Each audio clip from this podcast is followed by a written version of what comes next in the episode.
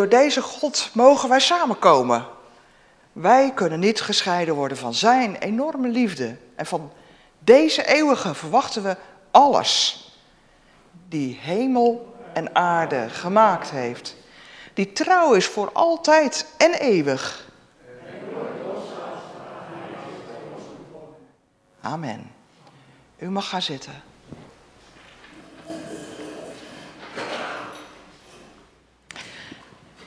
Weet u het nog? In de tijd, misschien nog niet zo lang geleden, werd er op zondagochtend ook altijd de tien geboden gelezen. Nou, hoe lang is het geleden in Duiven? Ik zie al bedenkelijke gezichten bij Hans, maar dat is vast ook al een tijd geleden hier, hè? elke zondagochtend de tien geboden. Ik lees een paar versen uit Deuteronomium 5. Maak geen godenbeelden, geen enkele afbeelding van iets dat in de hemel hierboven is, of in de hemelen, of op aarde, of in het water onder de aarde. Kniel voor zulke beelden niet neer. Vereer ze niet, want ik, de Heer, uw God, duld geen andere goden naast mij. Voor de schuld van de ouders laat ik de kinderen boeten en ook het derde geslacht en het vierde, als ze me haten. Maar als ze mij lief hebben en doen wat ik gebied, bewijs ik hun mijn liefde tot in het duizendste geslacht. Dit is dan de vertaling van het Nederlands Bijbelvertaling, de NBV uit 2004. Maar dan lees ik ook een andere vertaling, dat is de Naardense vertaling. Want ik, de ene, God over jou, ben een jaloers God, die onrecht van vaders aan zonen bezoekt, aan derden en vierden van hen die me haten, en die vriendschap en liefde bewijst aan duizenden, aan hen die mij lief hebben en mijn geboden bewaken. Ik lees dit omdat ik er ook straks op terugkom als wij Ezekiel 18 gaan lezen. Dat is de lezing voor vandaag. Want dit is een tekst die niet, niet mis is, hè? Die is pittig, hè? Wat betekent dat dat God de kinderen bezoekt om het onrecht van hun ouders. Nou, daar hebben heel veel mensen mee geworsteld. En wij weten uit Exodus 34 dat God barmhartig is, genadig, geduldig, dat wil zeggen langzaam en moeilijk tot boosheid te brengen. God is goed en trouw, staat klaar met vergeving, maar houdt ook niet onschuldig die onrecht doen. God is geen Sinterklaas die alleen maar met pepernoten strooit. Hij bezoekt het onrecht van ouders aan kinderen. En dat betekent niet dat God de kinderen ervoor laat opdraaien, maar dat God onderzoekt of dit onrecht van hun ouders invloed op die kinderen heeft. Want kinderen kunnen ook kritisch afstand nemen van de leefwijze van hun ouders. God schrijft hen dus niet af, maar let extra goed op hen. Met dit begin wil ik samen met u God gaan zoeken in gebed om ontferming. Trouwe God, wij mochten u al ontmoeten in uw woord, in de tien geboden, die van jongens af zo in onze zielen geprent zijn, gestanst staan, maar die we ook zo weinig meer lezen. We mogen u noemen goede God, liefdevolle Vader. Maar u bent geen Sinterklaas. U doet niet alleen aaien over de bol. U roept ons ook ter verantwoording. Vader, wij leggen onszelf voor u neer. Kom tot ons in deze dienst, in ons leven, met uw woord, met uw geest. Spreek tot ons door uw woord Adem op ons door uw Heilige Geest. En doe ons leven. Vooral begrijpen wat u bedoelt. Want het is vaak zo moeilijk te vatten. En vooral in de verwarrende tijd waarin we leven. Waarin we elke keer weer moeten bijsturen en onze leefwijze weer aanpassen in hele concrete, praktische zin. In hoe we voorzichtig moeten zijn en de handen wassen en afstand houden. En vader, wij vragen u, neem ons bij de hand, zoals u dat alleen veilig kunt. Leg uw hand op ons leven. Ontferm u over de wereld waarin wij leven. zie hen die wij niet kunnen zien, waar wij niet naar kunnen omkijken, waar onze handen en armen tekort zijn, wat wij niet erbij kunnen hebben op ons bord. Heer, zoals u, de eeuwige, dat alleen kunt. Wil ons vergeven wat wij deden, wat we misdeden en wat niet naar uw wil was. Wil met uw liefde en vergeving naar ons toe komen. En laat het ons ook zien. Onderzoek met ons hoe het met ons is. Zo bidden we u, kom tot ons. Vader, Zoon en Heilige Geest. Amen. En we zingen het lied stel mijn vertrouwen. Heel bekend.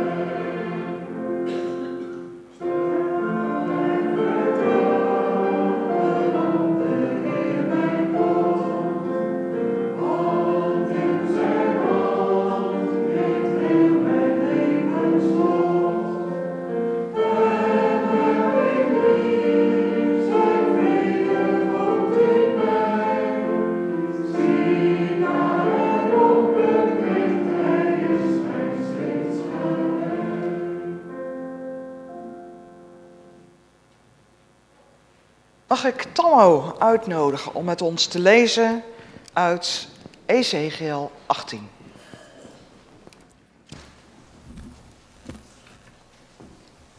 En dat wou ik doen vanaf de beamer, kan dat?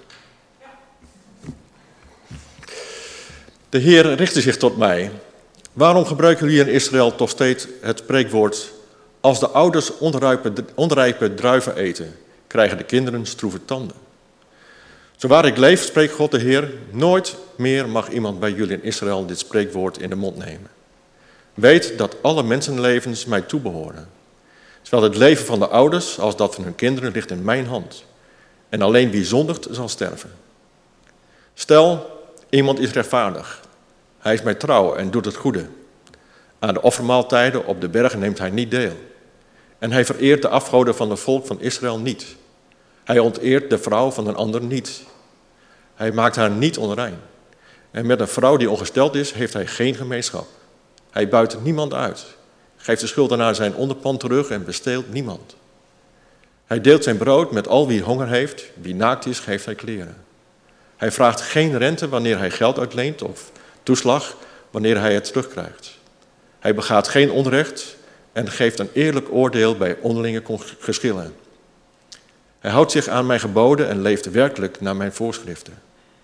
Zo iemand is rechtvaardig en zal zeker in leven blijven. Zo spreekt God de Heer.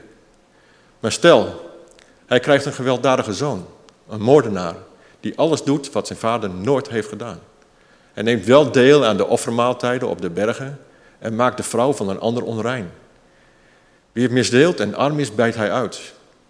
Hij steelt en geeft wat hij als onderpand heeft gekregen niet terug. Hij vereert de afgoden, misdraagt zich gruwelijk. Vraagt rente vooraf en toeslag achteraf. Moet zo iemand in leven blijven? Nee, hij zal niet in leven blijven. Na zoveel wandaden zal hij zeker sterven. Hij heeft zelf de dood over zich afgeroepen. En ook hij krijgt weer een zoon. En deze zoon ziet alle misstappen die zijn vader begaan heeft. Hij ziet ze allemaal, maar hij volgt ze niet.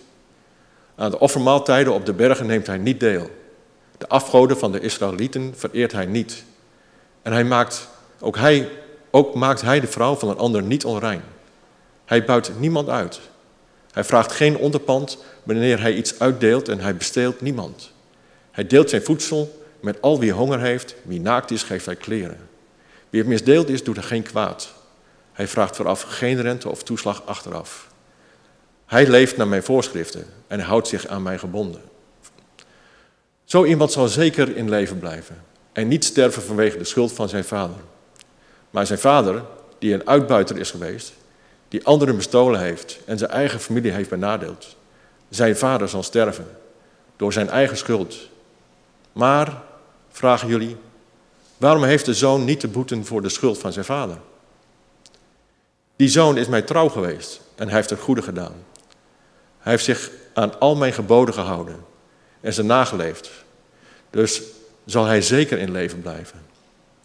Iemand die zondigt zal sterven, maar een zoon hoeft niet te boeten voor de schuld van zijn vader. En een vader hoeft niet te boeten voor de schuld van zijn zoon. Wie rechtvaardig is, wordt als een rechtvaardige behandeld. En een slecht mens wordt voor zijn daden gestraft. Wie goddeloos leeft, maar zich afkeert van de zonden die hij heeft begaan, zich houdt aan al mijn geboden, mij trouw is en een goede doet, zal zeker in leven blijven en niet sterven. De misdaden die hij heeft begaan, zullen hem niet worden aangerekend. Door zijn rechtvaardige daden zal hij in leven blijven. Denken jullie dat ik het toejuich als een slecht mens sterven moet, spreekt God, de Heer? Nee, ik wil dat hij tot inkeer komt en in leven blijft. En wie goed heeft geleefd, maar niet langer rechtvaardig is, onrecht doet en alle wandaden begaat van een slecht mens, moet die in leven blijven? Al zijn goede daden zullen niet langer tellen, omdat hij mij ontrouw is geworden en zonden heeft begaan. Hij zal sterven. Nu zeggen jullie, de wegen van de Heer zijn onrechtvaardig. Maar luister Israëlieten. Ben ik het die onrechtvaardig is? Gaan jullie niet eerder onrechtvaardige wegen? Iemand die rechtvaardig was, maar dat niet langer is en onrecht begaat, sterft omdat hij onrecht heeft begaan. Iemand die godloos leefde, maar dat niet langer doet, mij trouw is en een goede doet, zal in leven blijven.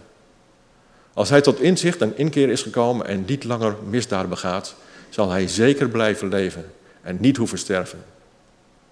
De Israëlieten zeggen, de wegen van de Heer zijn onrechtvaardig. Ben ik onrechtvaardig, Israëlieten? Zijn jullie het niet die onrechtvaardig zijn? Ik zal iedereen beoordelen naar de weg die hij gegaan is, spreekt God, de Heer. Kom tot inkeer, bega geen misdaden meer, anders brengt jullie de schuld ten val. Breek met het zondige leven dat jullie hebben geleid en vernieuw je hart en je geest. Dan hoeven jullie niet te sterven, Israëlieten. Want de dood van een mens geeft me geen vreugde, spreekt God, de Heer. Kom tot inkeer en leef.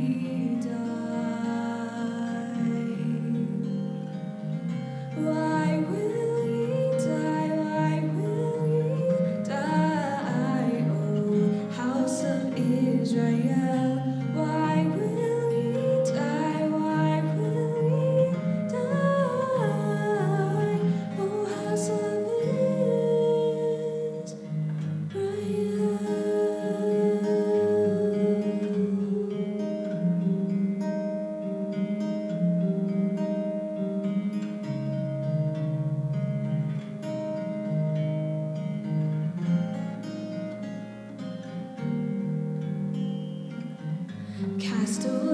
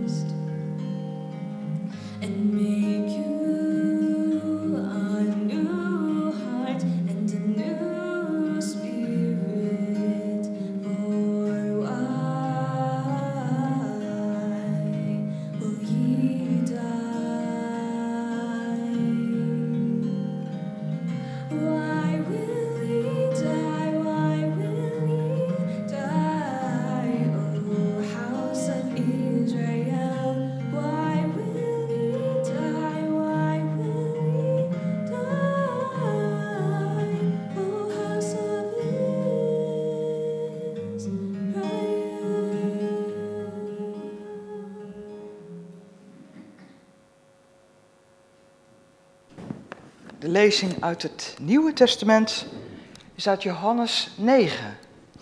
In het voorbijgaan zag Jezus iemand die al vanaf zijn geboorte blind was. Zijn leerlingen vroegen: Rabbi, hoe komt het dat hij blind was toen hij geboren werd? Heeft hij zelf gezondigd of zijn ouders? Hij niet, was het antwoord van Jezus, en zijn ouders ook niet. Maar Gods werk moet door hem zichtbaar worden. We zingen, proberen mee te zingen met een uh, lied. Dat is eh, Psalm 84 in de weergave van Psalmen voor nu. Wat hou ik van uw huis? En dan zingen we mee met Nederland zingt op zondag, of u luistert wat u wilt. En uh, Wessel speelt ook mee. Huis, Heer van de hemelse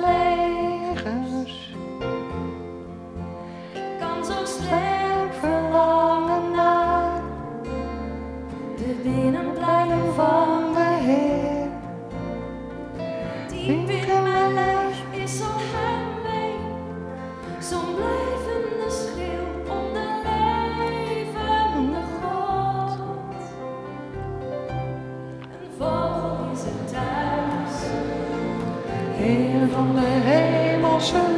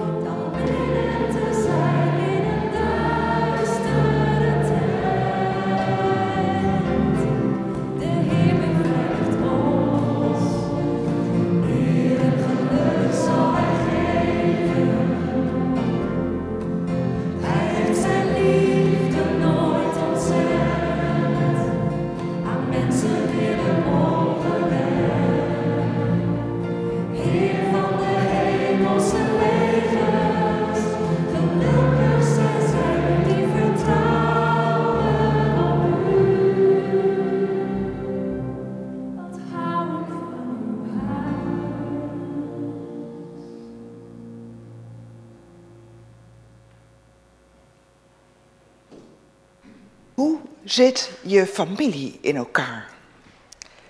Nou, dat is misschien een beetje een rare vraag. Dat weet je zelf.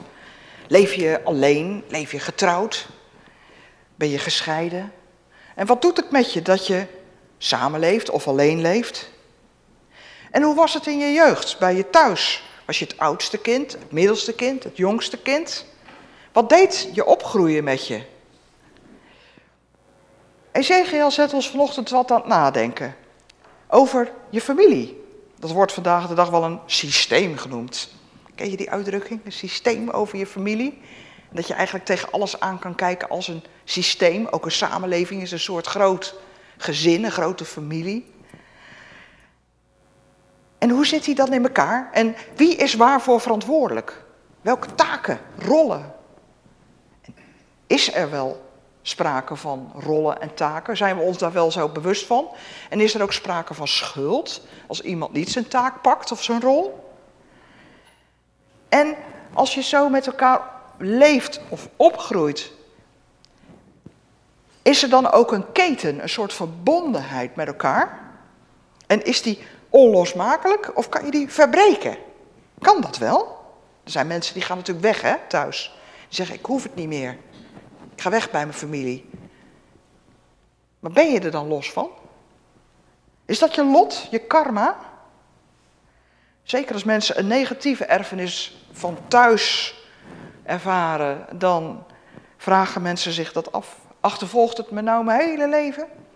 En je kan natuurlijk ook over hele positieve verbondenheid praten, hè? verknochtheid. Ik ben zo verknocht aan mijn zus, aan mijn broer, aan mijn vader, aan mijn moeder. En als iemand niet meer in je leven is, ik mis hem of haar zo. Of ik heimwee naar mijn jeugd, kan ook. En hoe wij leven, mijn levensstijl, dat werkt ook weer door in het leven van mijn kinderen en kleinkinderen. Deels de opvoeding en deels door, de, door het voorbeeld wat je geeft, door wie je zelf bent, hoe jij je rol pakt. Wat jij normaal vindt, dat zal je kind eerst ook overnemen. Tot het misschien geconfronteerd wordt om er anders over na te denken. Als je kind bijvoorbeeld bij de buurvrouw iets anders ziet, of bij een jeugdleider, of een leraar op school, of een ander voorbeeld. Deze dingen die zijn mij mijn hele leven opgevallen. Maar wat mij het meest fascineert is geloven, God, God volgen. Daarin kunnen ouders heel goed een voorbeeld geven. En toch kan dat geloof niet doorgroeien bij kinderen. En waarom? En dan kan je niet altijd in mekaars ziel kijken. Maar een kind kan bijvoorbeeld ziek zijn en gebeden hebben om genezing. En dat die genezing niet kwam. Of uh, er kwam een breuk in het gezin en het kind bad en bad of de ouders toch elkaar weer zouden vinden. En het gebeurde niet. De breuk werd niet geheeld. Dat kan voor zo'n kind ook een breuk met God, een breuk in vertrouwen tot gevolg hebben. Het kan andersom ook voorkomen dat ouders eigenlijk steeds minder geloven en steeds meer wegglijden erbij en zeggen, ja, ja, het vervaagt eigenlijk voor mij. Maar dat een kind een heel andere weg gaat, het kind juist naar God toe groeit, dat kan ook. Levensstijl en voorbeeld. Ezekiel schrijft daar een opdracht van God over. Op een heel nuchtere manier. Hij noemt allemaal voorbeelden. En dan zegt hij uiteindelijk, ik zou het in één zin kunnen samenvatten: een kind wordt niet aangekeken op de fout van zijn ouder. Niet door God althans. Hij moet het natuurlijk van Gods gezichtspunt uit belichten. En mensen zijn wel eens anders. Als je weet dat iemand vaak dronken is, of heel asociaal leeft, of anderen slaat hè, thuis, zijn vrouw of kinderen, of als iemand steelt, dan wordt het kind er wel eens op aangekeken. Dat is een kind uit een asociaal nest, wordt er dan gezegd. Maar God doet dat niet. God bekijkt ieder mens apart. Voor God is ieder mens een uniek schepsel, een geliefd kind van Hem. En van God krijgt ieder mens ook gelijke kansen. En als mensen zeggen, ja, hm, dat kan je als meisje niet. Schrijf dat maar op je buik. Dat ga je nooit realiseren. Of, die mensen hebben geen cent te makken. Hoe moet dat kind kansen krijgen? Dat herkennen we allemaal wel. Maar voor God krijgt ieder mens, uit welk nest je ook komt, of je een man of vrouw bent, evenveel kansen. Gelijke start en dezelfde zegen mee. God gelooft in ieder mens. Wij zijn geneigd, zolang onze ouders leven en aanspreekbaar zijn, ook bij onze ouders dingen neer te leggen. Hè? Nog eens een appeltje te schillen. Hen misschien iets te verwijten. Bijvoorbeeld, we hebben bepaalde kansen in het leven niet gekregen. Of we hebben niet genoeg aandacht en liefde van hen ervaren. Of niet het vertrouwen kunnen ontwikkelen in onze omgeving. En als dan onze ouders overleden zijn, wie blijft er dan over om de schuld te geven? Dan moet je toch ergens naartoe met je gevoel. Ja, dan moet God het nog wel eens ontgelden. Maar is dat eerlijk, zegt Ezekiel? God de schuld geven, hem iets verwijten? Ezekiel schrijft ook, dat hebben we Tamme horen lezen, over sterven, de dood, na een zondig leven. na een leven met ja, allemaal uh, dingen die er niet om logen. Stelen, andermans vrouw uh, inpikken. Uh, nou, de, de, de, rij was vrij lang, vond ik. Gunt God dan zo iemand de dood? Na een van God verlaten leven?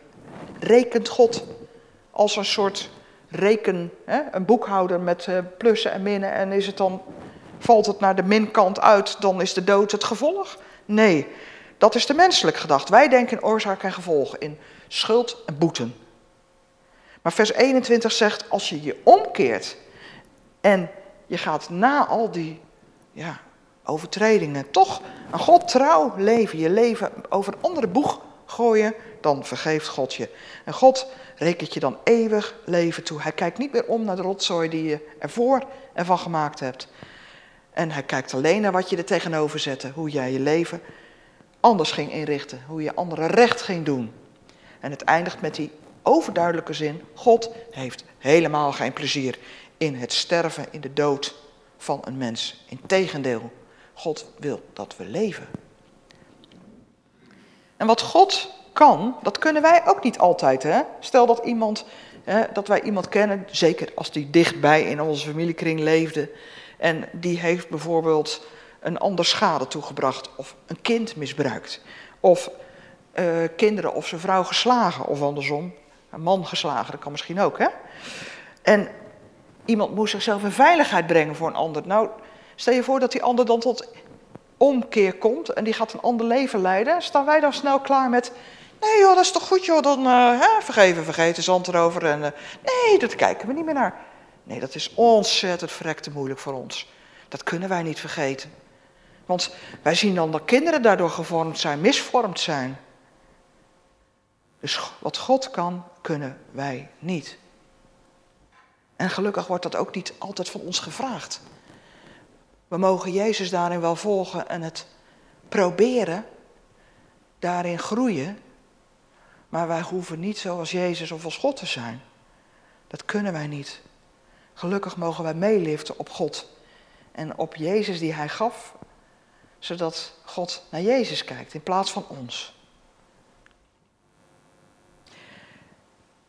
In de hulpverlening, daar wordt met die emotionele erfenis die je van je jeugd kan meekrijgen, altijd heel nuchter rekening gehouden. Ik weet niet of iemand hier wel eens in therapie geweest is, ik wel. En dan moest je een genogram maken. Hè? Dus een soort uh, tekening of overzicht van je nest, van je oorsprong, van je familie. En dat moest dan soms niet alleen je letterlijke thuis, maar ook wel twee, drie generaties terug. Dat was nogal een karwei. Maar dat kan heel veel zeggen over hoe jij je ontwikkeld hebt. Je, er wordt in therapie rekening gehouden met gevolgen in jouw leven van drie generaties daarvoor. Die kunnen zelfs nog invloed op jouw leven hebben. Maar een mens is daar niet toe veroordeeld. Ook al is er een cyclus, een keten tussen generaties. Er, en is dat ook een vorm van lotsverbondenheid, toch hoeft het geen keten aan je been te zijn waardoor je jezelf geen leven hoeft te gunnen, waardoor je zegt ik schrijf mezelf af. Je kunt die keten van je voorgeslacht ook verbreken. Ketenen van depressie of van agressie of van leugens of verslaving, die generatie op generatie kunnen worden doorgegeven. En daar komt Gods bevrijding om de hoek kijken, dat je daar los van mag komen. Dat je een andere kant op kan groeien. Dat er meer mogelijk is, ook in dit leven. En in dat opzicht is Ezekiel ook al het evangelie in het Oude Testament. Het goede nieuws. Het kwam bij Jezus in volle glorie en in zijn mens zijn helemaal tot uitdrukking. Maar bij Ezekiel zien we het ook al. God zelf is het goede nieuws. Hij kijkt anders naar ons dan wij mensen onder elkaar naar elkaar kijken. En in Jezus kwam hij zo dichtbij mogelijk. Hij kwam als mens om voor ons te helpen de dingen te doorbreken. En als voorbeeld lazen we daarom Johannes 9. Dat die fariseeën die komen bij Jezus en ja, er is in hun optiek maar één mogelijkheid. Als je blind bent, dan ben je toch ergens hartstikke stom bezig geweest. Dan, dan, heb je ergens een fout gemaakt. Je kan niet zomaar blind zijn, dat, dat komt ergens van. Heeft nou die die baby, hè, want het, het, kindje was al bij de geboorte blind, heeft hij nou als baby, als, als voor de geboorte al gezondigd? Nou, dat kan natuurlijk, zou kunnen. Of zijn het al zijn ouders die de schuld hebben? Nee, zegt Jezus. Zo gaan we daar helemaal niet mee om. Zo gaan we daar helemaal niet naar kijken. Daar doen we het niet aan mee. Het gaat er helemaal niet om wat er achter je ligt. Het gaat erom wat voor je ligt. Hoe ga je daarmee om?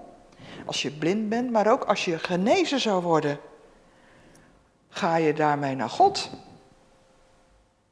Ga je niet kijken naar wat achter je ligt, niet je verzuipen in die keten van oorzaak en gevolg, maar ga je kijken naar wat God daarmee in jouw leven zou kunnen doen. En hoe je het licht en Gods liefde daarin zou kunnen omarmen. En dan wil ik niet zeggen dat blindheid, zeker toen, niet van een bepaalde manier van leven kon komen. Want ja, de mensen wisten toen drommels goed dat je van chlamydia, van geslachtsziekten blind werd. En dat heerste toen heel erg. Mensen uh, waren daar niet, uh, ja, niet, niet tegen bestand natuurlijk, maar mensen leefden toen ook, net als nu, met geslachtsziekten. En daar kan je blind van worden, ja. Maar Jezus wil daar niet mee omgaan, alsof het de, de oorzaak ook het gevolg bepaalt, alsof die keten niet te doorbreken is. Het maakt wat je hebt meegemaakt niet tot een straf die jij moet uitboeten. Wij kennen in uh, Nederland, in onze taal, ook allemaal spreekwoorden. Het kwaad straft zichzelf. Nou, dat is een hele geliefde, hè? Eigen schuld, dikke bult. Wie noemt er nog eens een? Maar we begrijpen allemaal wat, je, wat we bedoelen daarmee. Er zit een soort natuurwijsheid in opgesloten. En dan bedoelen we ook, je mag, je mag het niet aan God toeschrijven. Heel veel kwaad, dat komt vanzelf op je eigen bord weer terug, als een boemerang. Ik uh, kan me nog herinneren, in de jaren tachtig, uh, toen zat uh, het verschijnsel homoseksualiteit nog in een verdomhoekje. Er was wetenschappelijk ook nog heel weinig over ja, bekend, gepubliceerd althans, of niet breed bekend. En toen kwam ineens die ziekte AIDS op. En die bleek vooral onder homo's voor te komen. Mannen dan, homo, mannen. Nou, dat was 1 en 1 is 2. Daar kwam het van. Tot bleek, nee, die aids is in de wereld gekomen door seksueel contact met dieren. Wat de Torah benoemt bestialiteit. En dat is niet toegestaan, dat is onrein, staat erin in de Torah. Zo kwam het in de wereld, die ziekte. Doordat het later onderzocht is, werd duidelijk van het komt door het bloed wat over, hè, wat de besmetting wordt voor je bloed doorgegeven, dus ook bloedtransfusies. En daardoor kun je dus helemaal niet zo snel kort door de bocht de conclusies trekken die je zo snel trekt. Dat hebben we natuurlijk in de afgelopen tijd met corona ook weer volop meegemaakt. Dat 17 miljoen virologen in Nederland rondlopen. En allemaal weten we hoe het komt en zit en waar het vandaan komt. Toch? Maar die snelle conclusies die wij trekken, daar zegt God dus van, stop daar nou eens mee. Want je doet elkaar onrecht, je kwetst elkaar, je doet elkaar tekort en je onteert mij. Als je God daarvan de schuld zou geven. Je mag ook het spreekwoord niet meer gebruiken, zegt Ezekiel. Als de ouders onrijpe druiven eten, krijgen de kinderen stroeve tanden. Nou, die uitdrukking kennen wij niet. Ik zou niet weten, die heb ik nog nooit gehoord. Maar dat was toen een uitdrukking. Ja, wij zeggen eigen schuld, dikke bult. Of wat je zaait, wat je zaait zul je oogsten. Of uh, hè? Wat, die andere uitdrukking die ik net gebruikte. Zo kennen we er nog vast wel tien. En dan zegt Ezekiel namens God, doe dat nou niet. Kinderen zijn al zo vaak het kind van de rekening. Oh ja, dat is ook een uitdrukking. Die mogen we dan wel gebruiken. Kinderen zijn al zo vaak het kind van de rekening. Maar God presenteert die rekening niet. God treft geen schuld. Vervloek je God daarom? Dan ben je oneerlijk bezig. Dan kwets je God. In het groot doen wij dat natuurlijk. Hè, in, in, families doen we dat, in kleine verbanden. Maar in het groot in de samenleving. Want de ene generatie laat eigenlijk een soort erfenis voor de volgende na. Hè? Uh, mijn generatie, dat zal Sofie ook wel herkennen, zeggen, nou, die babyboomers die hebben mooie recenten voor ons opgemaakt hè? met het uh, sociale vangnet. En waar, moeten wij nou straks van met pensioen? Want onze premie, die, die wordt nu gebruikt om de gaten te stoppen. Hè? Wij mogen straks, ik kijk even naar Sofie en naar de jongeren onder ons, wij mogen wel een stukje kapel, vind ik eigenlijk, om straks hier toch een eh, soort eh, seniorenplekje te hebben waar we goedkoop kunnen wonen. Ja, babyboomers. Nee, maar zo gaat het in het groot. De ene generatie leeft zus en de volgende, die kan dat oplossen. We zien het nu in Amerika natuurlijk. Obama zor- eh, zorgde voor een eh, zorgstelsel. Trump schaft het af. 200.000 coronadoden. En hoe moet het nu verder? Welke predikant zou daar, of welke, sorry, welke president zou daar nou eens lekker aan willen gaan staan vanaf 3 november om dat te gaan opruimen? Dat zegt de prediker ook al. Er kan een koning zijn geweest, die heeft van alles opgebouwd.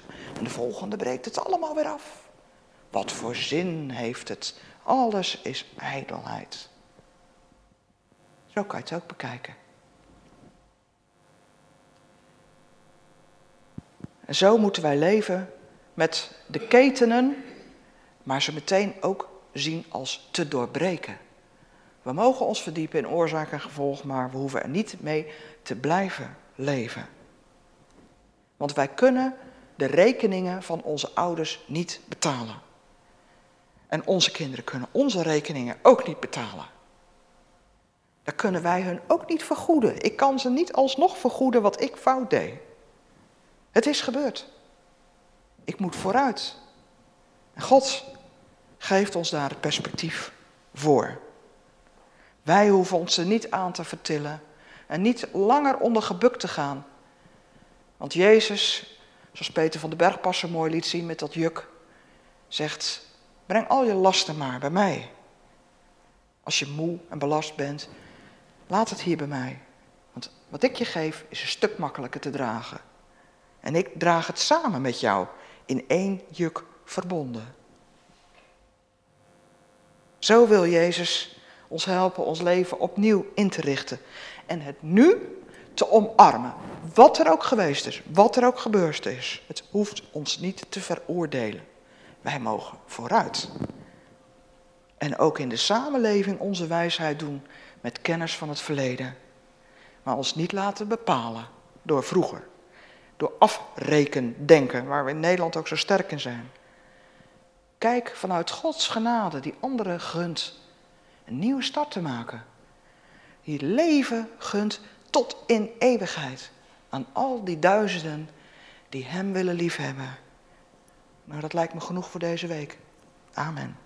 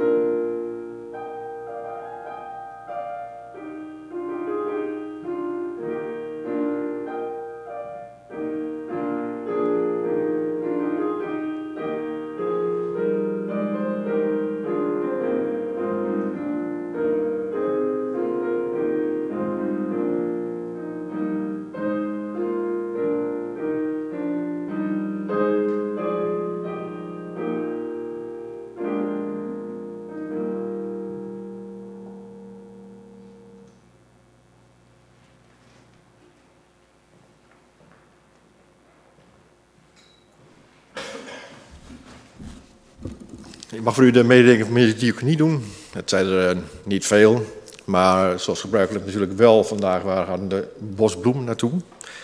En dit keer gaat de bos naar de familie van Aken aan de Rijksweg en ter bemoediging. En eerder deze week uh, is er een bos gegaan naar mevrouw Jansen in Babbedy, ook ter bemoediging. Um, zoals u weet, we niet collecteren, maar we hebben wel twee doelen. En u kunt straks uw gift geven bij de uitgang uh, van de kerk. En het eerste doel waar het uh, helft van het geld naartoe gaat, is voor beheer en onderhoud. En de andere helft van het geld gaat naar schuldhulpmaatje. En daar collecteren we al heel vaak voor. En vandaag hebben we de heer Nijland bij ons. En um, hebben hem gevraagd om er iets over te vertellen in het kort. Dus ik mag je uitnodigen.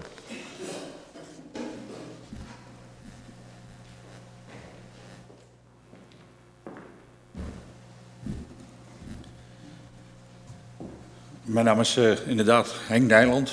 Uh, er ligt ook een bekende achternaam. Uh, de, de, broer van Jolanda en, en de, mijn vader heet inderdaad ook Henk Nijland. Maar daarvoor sta ik niet hier. Ik sta hier om als voorzitter van Stichting Schuldhulpmaatje. Um, ik hoorde het straks Jolanda ook al even zeggen. wat was het? Dikke, eigen schuld, dikke bult. En daar zit al direct een, een, oordeel in. En dat proberen we als stichting uh, ver vandaan te blijven. Het is uh, voor mij nu zes jaar geleden dat ik voor het eerst eigenlijk in direct in aanraking kwam met, met mensen zeer nabij die ook in de schulden zaten. En dan kan je inderdaad met het vingertje wijzen, ja, dat is je eigen schuld, dus ik ga je daar niet in helpen.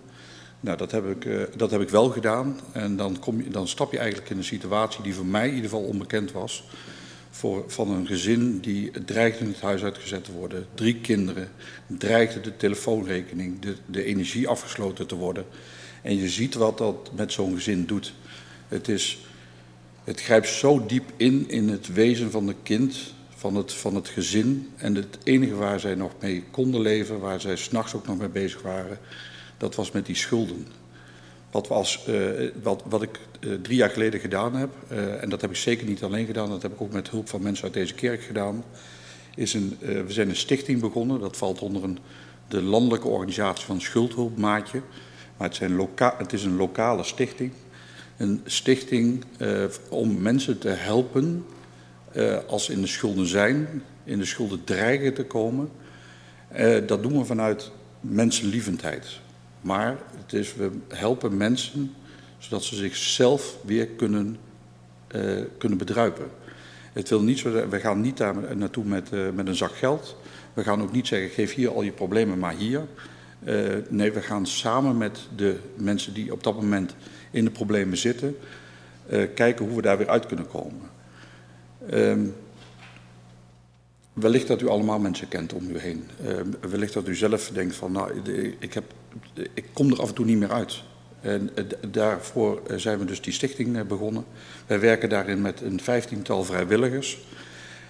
Als het nodig is om een kop koffie te drinken, drinken we een kop koffie. Als het nodig is om drie keer koffie te drinken, omdat het toch heel moeilijk is om erover te praten, dan drinken we drie keer een kop koffie.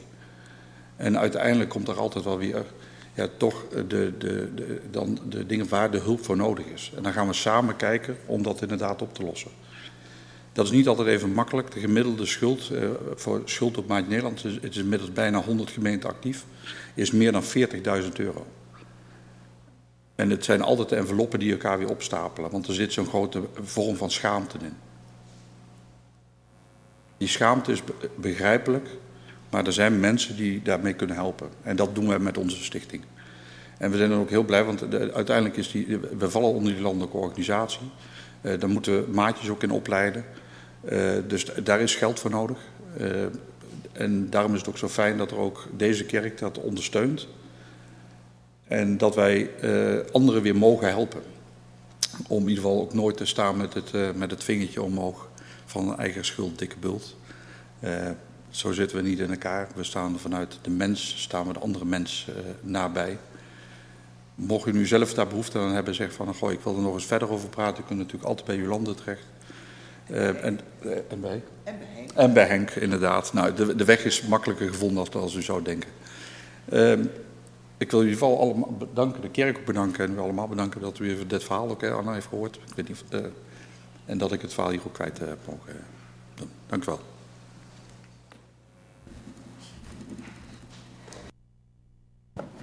Ja, dat kunt de hele week nog geven. Misschien daarna ook nog wel. Als het eh, nog eens even voorbij komt. Dat, hè? Give it app, ja. Wij gaan met elkaar danken en bidden.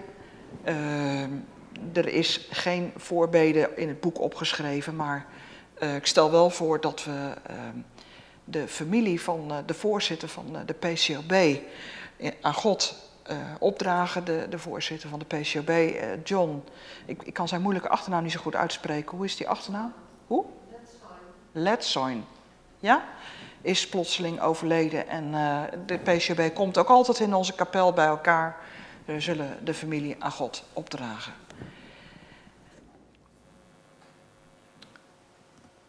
Goede God, wij mochten bij u zijn.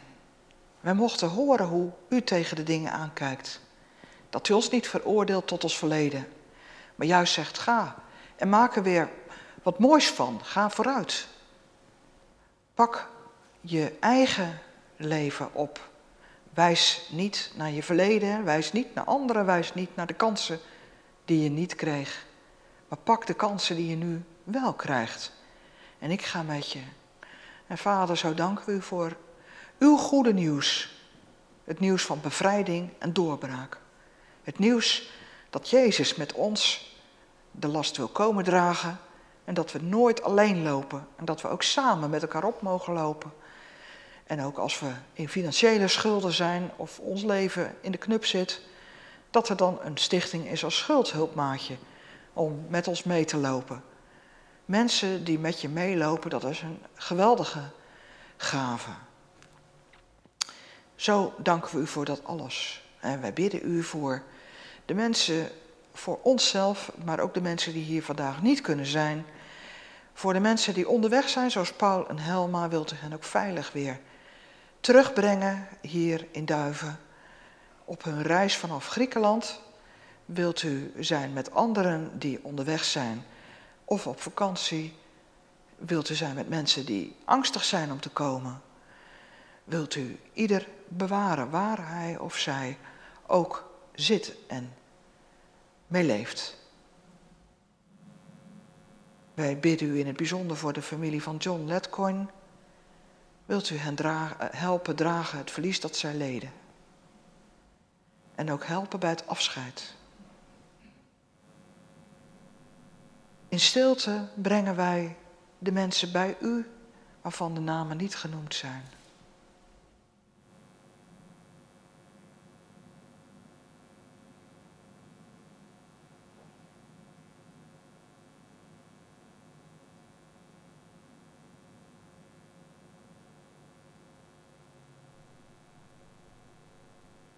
Samen bidden wij het gebed dat uw zoon ons heeft geleerd. Onze Vader die in de hemel zijt, uw naam worden geheiligd, uw koninkrijk komen, uw wil geschieden, op aarde zoals in de hemel. Geef ons heden ons dagelijks brood en vergeef ons onze schulden, zoals ook wij onze schuldenaars vergeven. En leid ons niet in verzoeking, maar verlos ons van de boze. Want van u is het koninkrijk en de kracht en de heerlijkheid in eeuwigheid. Amen. Wij gaan eh, staan en zingen. Ga met God, het zegenlied dat we elkaar toe mogen zingen. Kijk maar of u kunt staan erbij en anders blijf lekker zitten.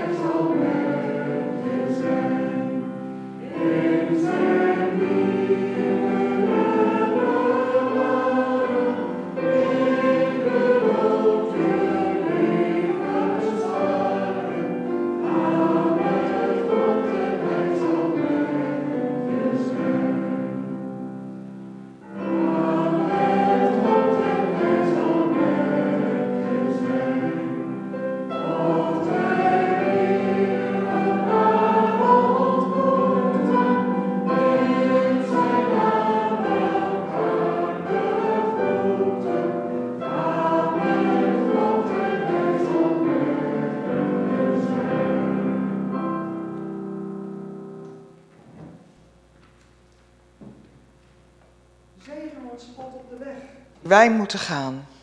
Zegen ons op de plek waar wij staan. Zegen ons in alles wat u van ons verlangt. O God, zegen ons alle dagen lang. Vader, maak ons tot een zegen. Regen op ons met uw geest.